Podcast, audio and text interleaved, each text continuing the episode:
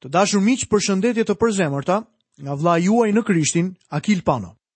Ju uroj mirëseardhjen në emisionin e sotëm. Ju kujtoj që jemi duke studiuar në librin e numrave dhe sot do të fillojmë së bashku studimin tonë në kapitullin e 14 të këtij libri. Temat e kapitullit të 14 janë Refuzimi i Izraelit për të hyrë në tokën e premtuar. Moisiu lutet për Izraelin. Gjykimi i Zotit. Izraeli mundet nga amalekitët dhe kananejtë. Izraeli nuk kishte mbërritur ende në pikën ku duhet të merrte vendim. Ata duhet të vendosnin nëse do të hynin apo jo në vend. Shohim se Izraeli refuzon të hyjë në vend. Arsyeja është mosbesimi i tyre. Bibla është komentari ynë më i mirë për këtë. dhe autori i librit të Hebrenjve na e paraqet në këtë mënyrë. Hebrenjve kapitulli 3 vargu 17 deri 19. Dhe kush qenë ata me të cilët u zemërua për 40 vjet? A s'qenë vallë ata që mëkatuan, kufomat e të cilëve ranë nëpër shkretëtirë? Dhe për të cilët bëri be, se nuk do të hynin në prehjen e tij, veçse për ata që qenë të pabindur. Ne shohim se ata nuk mundën të hyjnë për shkak të mosbesimit. Mosbesimi i mbajti izraelitët larg nga hyrja në tokën e premtuar. Lexojmë në vargun e parë dhe të dytë të librit të numrave në kapitullin e 14. Atëherë tërë asambleja, ngriti zërin dhe filloi të bërtasë dhe atë natë populli qau. Dhe të gjithë bijtë e Izraelit murmurisnin kundër Moisiut dhe kundër Aaronit dhe tërë asambleja u tha. Sikur të kishim vdekur në vendin e Egjiptit, ose të kishim vdekur në këtë shkretëtirë. Mendoj se në këtë kohë Moisiu i varfër dhe Aaroni do të kishin dashur të kishin vdekur në shkretëtirë që të mund të çliroheshin nga ankimet e tyre. Shohim vargun e tretë. Pse na çon Zoti në këtë vend që të biem nga goditja e shpatave? Gratë dhe fëmijët tanë do të bëhen pre e armikut. A nuk do të ishte më mirë për ne të ktheheshim në Egjipt? Ata ndodhen në një gjendje kaq të keqe shpirtërore saqë thonë, gratë dhe fëmijët tanë do të bëhen pre e armikut. Ata po përdorin fëmijët e tyre si shfajësim, duke pretenduar se po mendojnë për sigurinë e tyre, por në fakt i referohen Zotit. Ata po thonë se Zoti nuk shqetësohet për çfarë u ndodh fëmijëve të tyre. A e dini se kush hyri në vendin e premtuar? Në tokën e premtuar hynë fëmijët e tyre, brezi tjetër. Njerëzit e vjetër qëndronin atje, duke bërtitur, duke u ankuar dhe duke thënë se po mendonin për sigurinë e fëmijëve të tyre. Por në realitet, Zoti po mendonte për sigurinë e fëmijëve. Kjo është arsyeja që i futi në tokën e premtuar. Lexojmë nga vargu 4 deri në vargun e 9. Dhe i thanë njëri-tjetrit, të zgjedhim një kryetar dhe të kthehemi në Egjipt, Atëherë Moisiu dhe Aroni ranë përmbys përpara tërë asamblesë së mbledhur të bijve të Izraelit. Jozueu, biri i Nunit dhe Kalebi, biri i Jenufehut, që ishin ndër ata që kishin vëzhguar vendin, grisën rrobat e tyre dhe i folën kështu asamblesë së bijve të Izraelit. Vendi që kemi përshkuar për ta vëzhguar është një vend i mirë, shumë i mirë. Në rast se Zoti kënaqet me ne, do të na çojë në këtë vend dhe do të na japë neve një vend ku rrjedh qumësht dhe mjaltë. Vetëm mos ngrini krye kundër Zotit dhe mos kini frikë nga populli i vendit, sepse ai do të jetë ushqimi ynë. Mbrojtja e tyre është larguar nga ata dhe Zoti është me ne. Mos kini frikë nga ata. Këta dy njerëz, Kalebi dhe Jozueu, sollën të njëjtat fakte si të tjerët. Cili ishte ndryshimi në raportin e tyre? Ndryshimi qëndronte në interpretimin e fakteve, sepse këta dy të rinj përfshinë edhe Zotin në këtë sfidë. Sa herë që e sheh veten si një karkalec përpara gjigantëve apo përpara nevojave që të rrethojnë, ke nevojë për Zotin. Sigurisht që këta njerëz kishin nevojë për Zotin. Kalebi dhe Jozueu këmbngulën se nëse Zoti do të kënaqej me ta, ai do t'i fuste në vend. Por si mund të kënaqej Zoti në ta, për aq kohë sa nuk i besojnë atij? Ata duhet t'i besonin Perëndisë. Ai do të jetë ushqimi ynë. Në shprehjen tonë do të ishte sikur të thoshnim njerëzit e atij vendi do të jenë si supë për ne. Si ka mundësi që këta të jenë kaq të sigurt, sepse i besuan Perëndisë. Lexojmë vargun e 10. Atëherë tërë asambleja foli për t'i vrarë me gurë, por lavdia e Zotit iu shfaq në çadrën e mbledhjes tërë bijve të Izraelit. A keni vënë re se sa herë që lind një rebelim murmuritje apo ankesash, shfaqet lavdia e Zotit. Zoti është jashtëzakonisht i zemëruar me këtë rebelim ndaj tij. Lexojmë vargjet 11 dhe 12. Pastaj Zoti i tha Moisiut, Deri kur do të më përçmojë ky popull? Deri kur do të më refuzojnë të besojnë pas gjithë atyre mrekullive që kam bërë në mes tyre? Unë do ta godas me murtajë dhe do ta shkatërroj, por do të bëj prej teje një komb më të madh dhe më të fuqishëm se ai. Zoti po thotë, unë do t'i shkatërroj dhe do të bëj një komb me ty prej teje për të përmbushur premtimin tim. Le të shohim më poshtë vargjet 13 deri 19. Mojsiu lutet për Izraelin. Mojsiu i tha Zotit, por do ta dëgjojnë egjiptasit, nga mesi i të cilëve e ke ngritur këtë popull për fuqinë tënde, dhe do t'ia bëjnë të ditur banorëve të këtij vendi. Ata kanë dëgjuar që ti, o Zot, je në mes të këtij populli, i shfaqesh atij sy për sy, që reja jote qëndron mbi ta dhe që ecën para tyre ditën në një kolonë reje dhe natën në një kolonë të zjarrtë. Tani nëse e bën këtë popull të vdesë si një njeri të vetëm, kombet që kanë dëgjuar namin tënd do të flasin duke thënë, meqenëse Zoti nuk ka qenë i zoti ta futë këtë popull në vendin që ishte betuar t'i jepte, e vrau në shkretëtirë, Por tani të lutem, le të shfaqet fuqia e Zotit tim në madhështinë e saj, ashtu siç fole, duke thënë, Zoti është i ngadaltë në zemërim dhe i madh në mëshirë, ai fal padrejtësinë dhe mëkatin, por nuk lë pa ndëshkuar fajtorin, duke dënuar paudhësinë e etërve te bijtë, deri në brezin e tretë ose të katërt. Fale paudhësinë e popullit tënd. me madhështinë e mëshirës sate, ashtu siç e ke falur këtë popull nga Egjipti deri këtu. Shihni se si Mojsiu i kujton Zotit se do të përhapeshin fjalë, se edhe pse ai i nxori nga vendi i Egjiptit, nuk ishte i aftë për t'i futur në tokën e premtuar dhe të përmbushte atë që kishte nisur. Perëndia kishte rënë dakord të ecte para me ta dhe ta vendoste Izraelin në atë vend. Lexojmë vargun 20. Atëherë Zoti tha, Unë fal, ashtu siç kërkove ti. Pastaj Zoti dha dhe këtë profeci. Lexojmë vargun 21. Por ashtu siç është e vërtetë që unë rroj, e gjithë toka do të jetë plot me lavdinë e Zotit. Zoti që i nxori bijtë e Izraelit jashtë vendit të Egjiptit dhe i futi në tokën e premtuar, do të përmbushë edhe planin që ka për ty. Ai do të përmbushë për tërë tokën, planin për të cilin po punon. Sepse po vjen koha kur e gjithë toka do të mbushet me lavdinë e Zotit. Lexojmë vargjet 22 deri 24. Dhe tërë këta njerëz që kanë parë lavdinë time dhe mrekullitë që kam bërë në Egjipt e në shkretëtirë, dhe më kanë tunduar dhjetë herë dhe nuk e kanë dëgjuar zërin tim, Me siguri nuk kanë për ta parë vendin që u betova t'u jap etërve të tyre. Askush nga ata që më kanë përçmuar nuk ka për ta parë, por shërbëtorin tim Kaleb, duke qenë se e veproi i shtyrë nga një frymë tjetër e më ka ndjekur plotësisht, unë do ta fus në vendin ku ka shkuar dhe pasardhësit e tij do ta zotërojnë. Gjykimi ra mbi tërë bijtë e Izraelit. Brezi që murmuriti nuk do të hyjë në tokën e premtuar,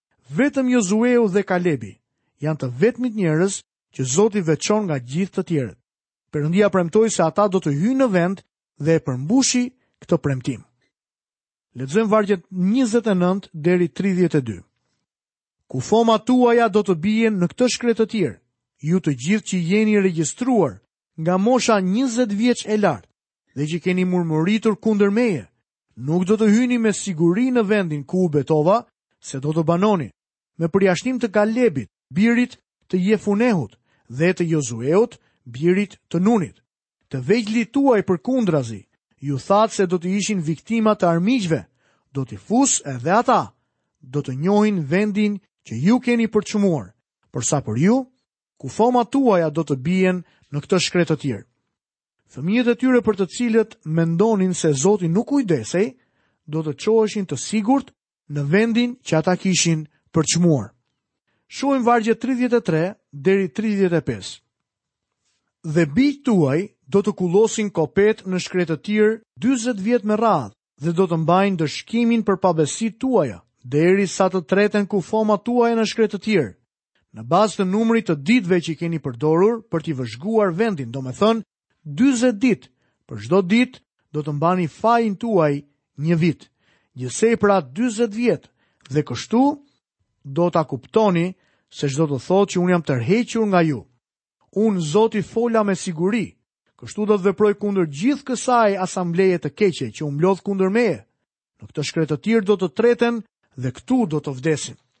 Perëndia u thotë se do ta endë në shkretëtirë për 40 vjet, një vit për çdo ditë që spiunët kishin qenë në vend. Lexojmë vargjet 36 dhe 37. Njerëzit që kishte dërguar Moisiu për të vëzhguar vendin, mbas kthimit të tyre, e kishin shtyrë tërë asamblenë të murmuriste kundër tij, duke paraqitur një raport të keq për vendin. Ata njerëz që kishin përpiluar raportin e keq për vendin, vdiqën nga një plagë përpara Zotit. Të dhjetë spiunët që sollën raportin e keq për vendin dhe shtynë asamblenë në rebelim, vdiqën nga një plagë përpara Zotit. Lexojmë vargun 39. Atëherë Moisiu u njoftoi këto fjalë tërë bijve të Izraelit dhe populli ndjeu një dhimbje të thellë. Ata ishin kthyer nga vendi, po ndërkohë që përballen me shkretëtirën, ndihen më të frikësuar nga ajo sesa nga vendi në të cilin duhet të hynin. Lexojmë vargjet 40 deri 42. U ngritën herët në mëngjes dhe u ngjitën në majë të malit duke thënë, ja ku jemi, ne do të ngjitemi në vendin për të cilin ka folur Zoti sepse kemi mëkatuar.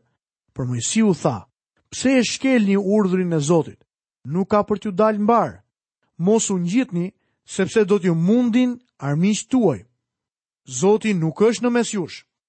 Ata e humbën mundësinë e tyre. Ata nuk donin të hynin në vend në kohën kur Zoti donte që ata të shkonin. Tani thonë se duan të ngjiten tek ai vend. Kjo është mendjemadhësi. Besimi nuk është mendjemadhësi. Ata duan të ecin sërish më tepër në rrugët e tyre sesa në rrugët e Zotit. nuk mund të ketë fitore ndërkohë që nuk ka nënshtrim dhe bindje ndaj vullnetit të Perëndisë. Lexojmë vargjet 44 dhe 45. Megjithatë patën guximin të ngjiten në majë të malit, por arka e besëlidhjes së Zotit dhe Moisiu nuk lëvizën nga mesi i kampit. Atëherë amalekitët dhe kananejtë që banonin mbi këtë mal, zbritën poshtë, i thyen dhe i vunë përpara deri në Hormah.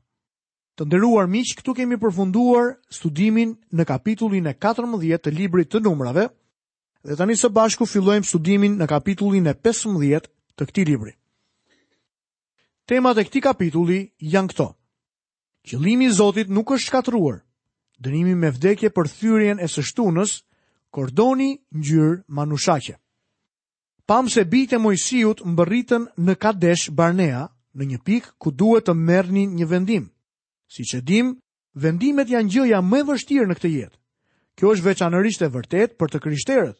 Shpeshherë arrijmë në një udhëkryq dhe jemi mjaft të sigurt për rrugën që duhet të ndjekim. Dhe për këta njerëz ishte më së e qartë se çfarë rruge duhej të ndiqnin. Ata u përballën me këto dy zgjedhje: hyrjen në vend me anë të besimit ose kthimin mbrapa në shkretëtirë në mosbesim. Ata bënë vendimin e gabuar dhe u kthyen në mosbesim. Gjithsesi kur panë shkretëtirën, ndryshuan mendje dhe thanë se toka e premtuar me qytetet e saj me mure të lartë dhe gjigantë, nuk ishte aq e keqe sa shkretëtira, kështu që u përpoqën të hynin në atë vend. Ky nuk ishte vendim besimi. Bazoi në eksperiencën e tyre gjatë dy viteve në shkretëtirë. Izraelitët thanë se mund të hynin në vend. Supozimi është aq i rrezikshëm sa edhe mosbesimi. Një i njohur i im biznesmen kishte një vend të rëndësishëm pune. Pak kohë pasi kishte blerë një shtëpi dhe mobilje të reja e pushuan nga puna. I dëshpëruar më pyeti. Pse e lejoi Perëndia që të më ndodhë kjo, përderisa ai më drejtoi të blija shtëpinë dhe mobiljet? Iu përgjigja, Të kujtoj se ndërkohë që po kërkoje për shtëpinë e re, ke përmendur se në atë kohë nuk ishe i sigurt për drejtimin e Zotit dhe specifikisht ke thënë që nuk e pëlqeje atë zonë ku bleve shtëpinë. Tani po fajëson Zotin për gjithçka. A mund të ketë ndodhur që të jesh drejtuar më tepër nga supozimi, hamendësia, sesa nga besimi? Ai tha, Thjesht mendova që Zoti ndoshta mund të më bekojë. Miku im, ne duhet të jemi jashtëzakonisht të kujdesshëm për të parë nëse po lëvizim me anë të presupozimeve apo hamendësive tona, apo me anë të besimit. Diku midis këtyre të dyjave është vullneti i Zotit. Është shumë e rëndësishme të kalosh kohë duke pritur në Zotin për të zbuluar se cili është vullneti i tij. Tani do të hyjmë në ndarjen e librit të numrave nga kapitulli 15 deri në kapitullin e 25, të cilën e quaj ngurrim, kërkim kuturu dhe ankth përmes shkretëtirës. Pikërisht në Kadesh Barnea, Zoti i ktheu prapa në shkretëtirë. Ecja u kthye në endje, marshimi në murmuritje, dëshmimi në vajtime, luftëtarët në njerëz të lëkundur, kënga në psherëtima dhe puna në dëshirë. Fatkeqësisht më duhet të them se edhe shumë të krishterë sot ecin në jetë në të njëjtën mënyrë. Gjëja interesante është se këto vite janë vite qetësie. Nuk ka asnjë regjistrim për to, asgjëkundi. Na jepen vetëm pak ngjarje, por të palidhura me asnjë histori. Gjithsesi, na jepen disa tregues të karakteristikave të përgjithshme të atyre viteve.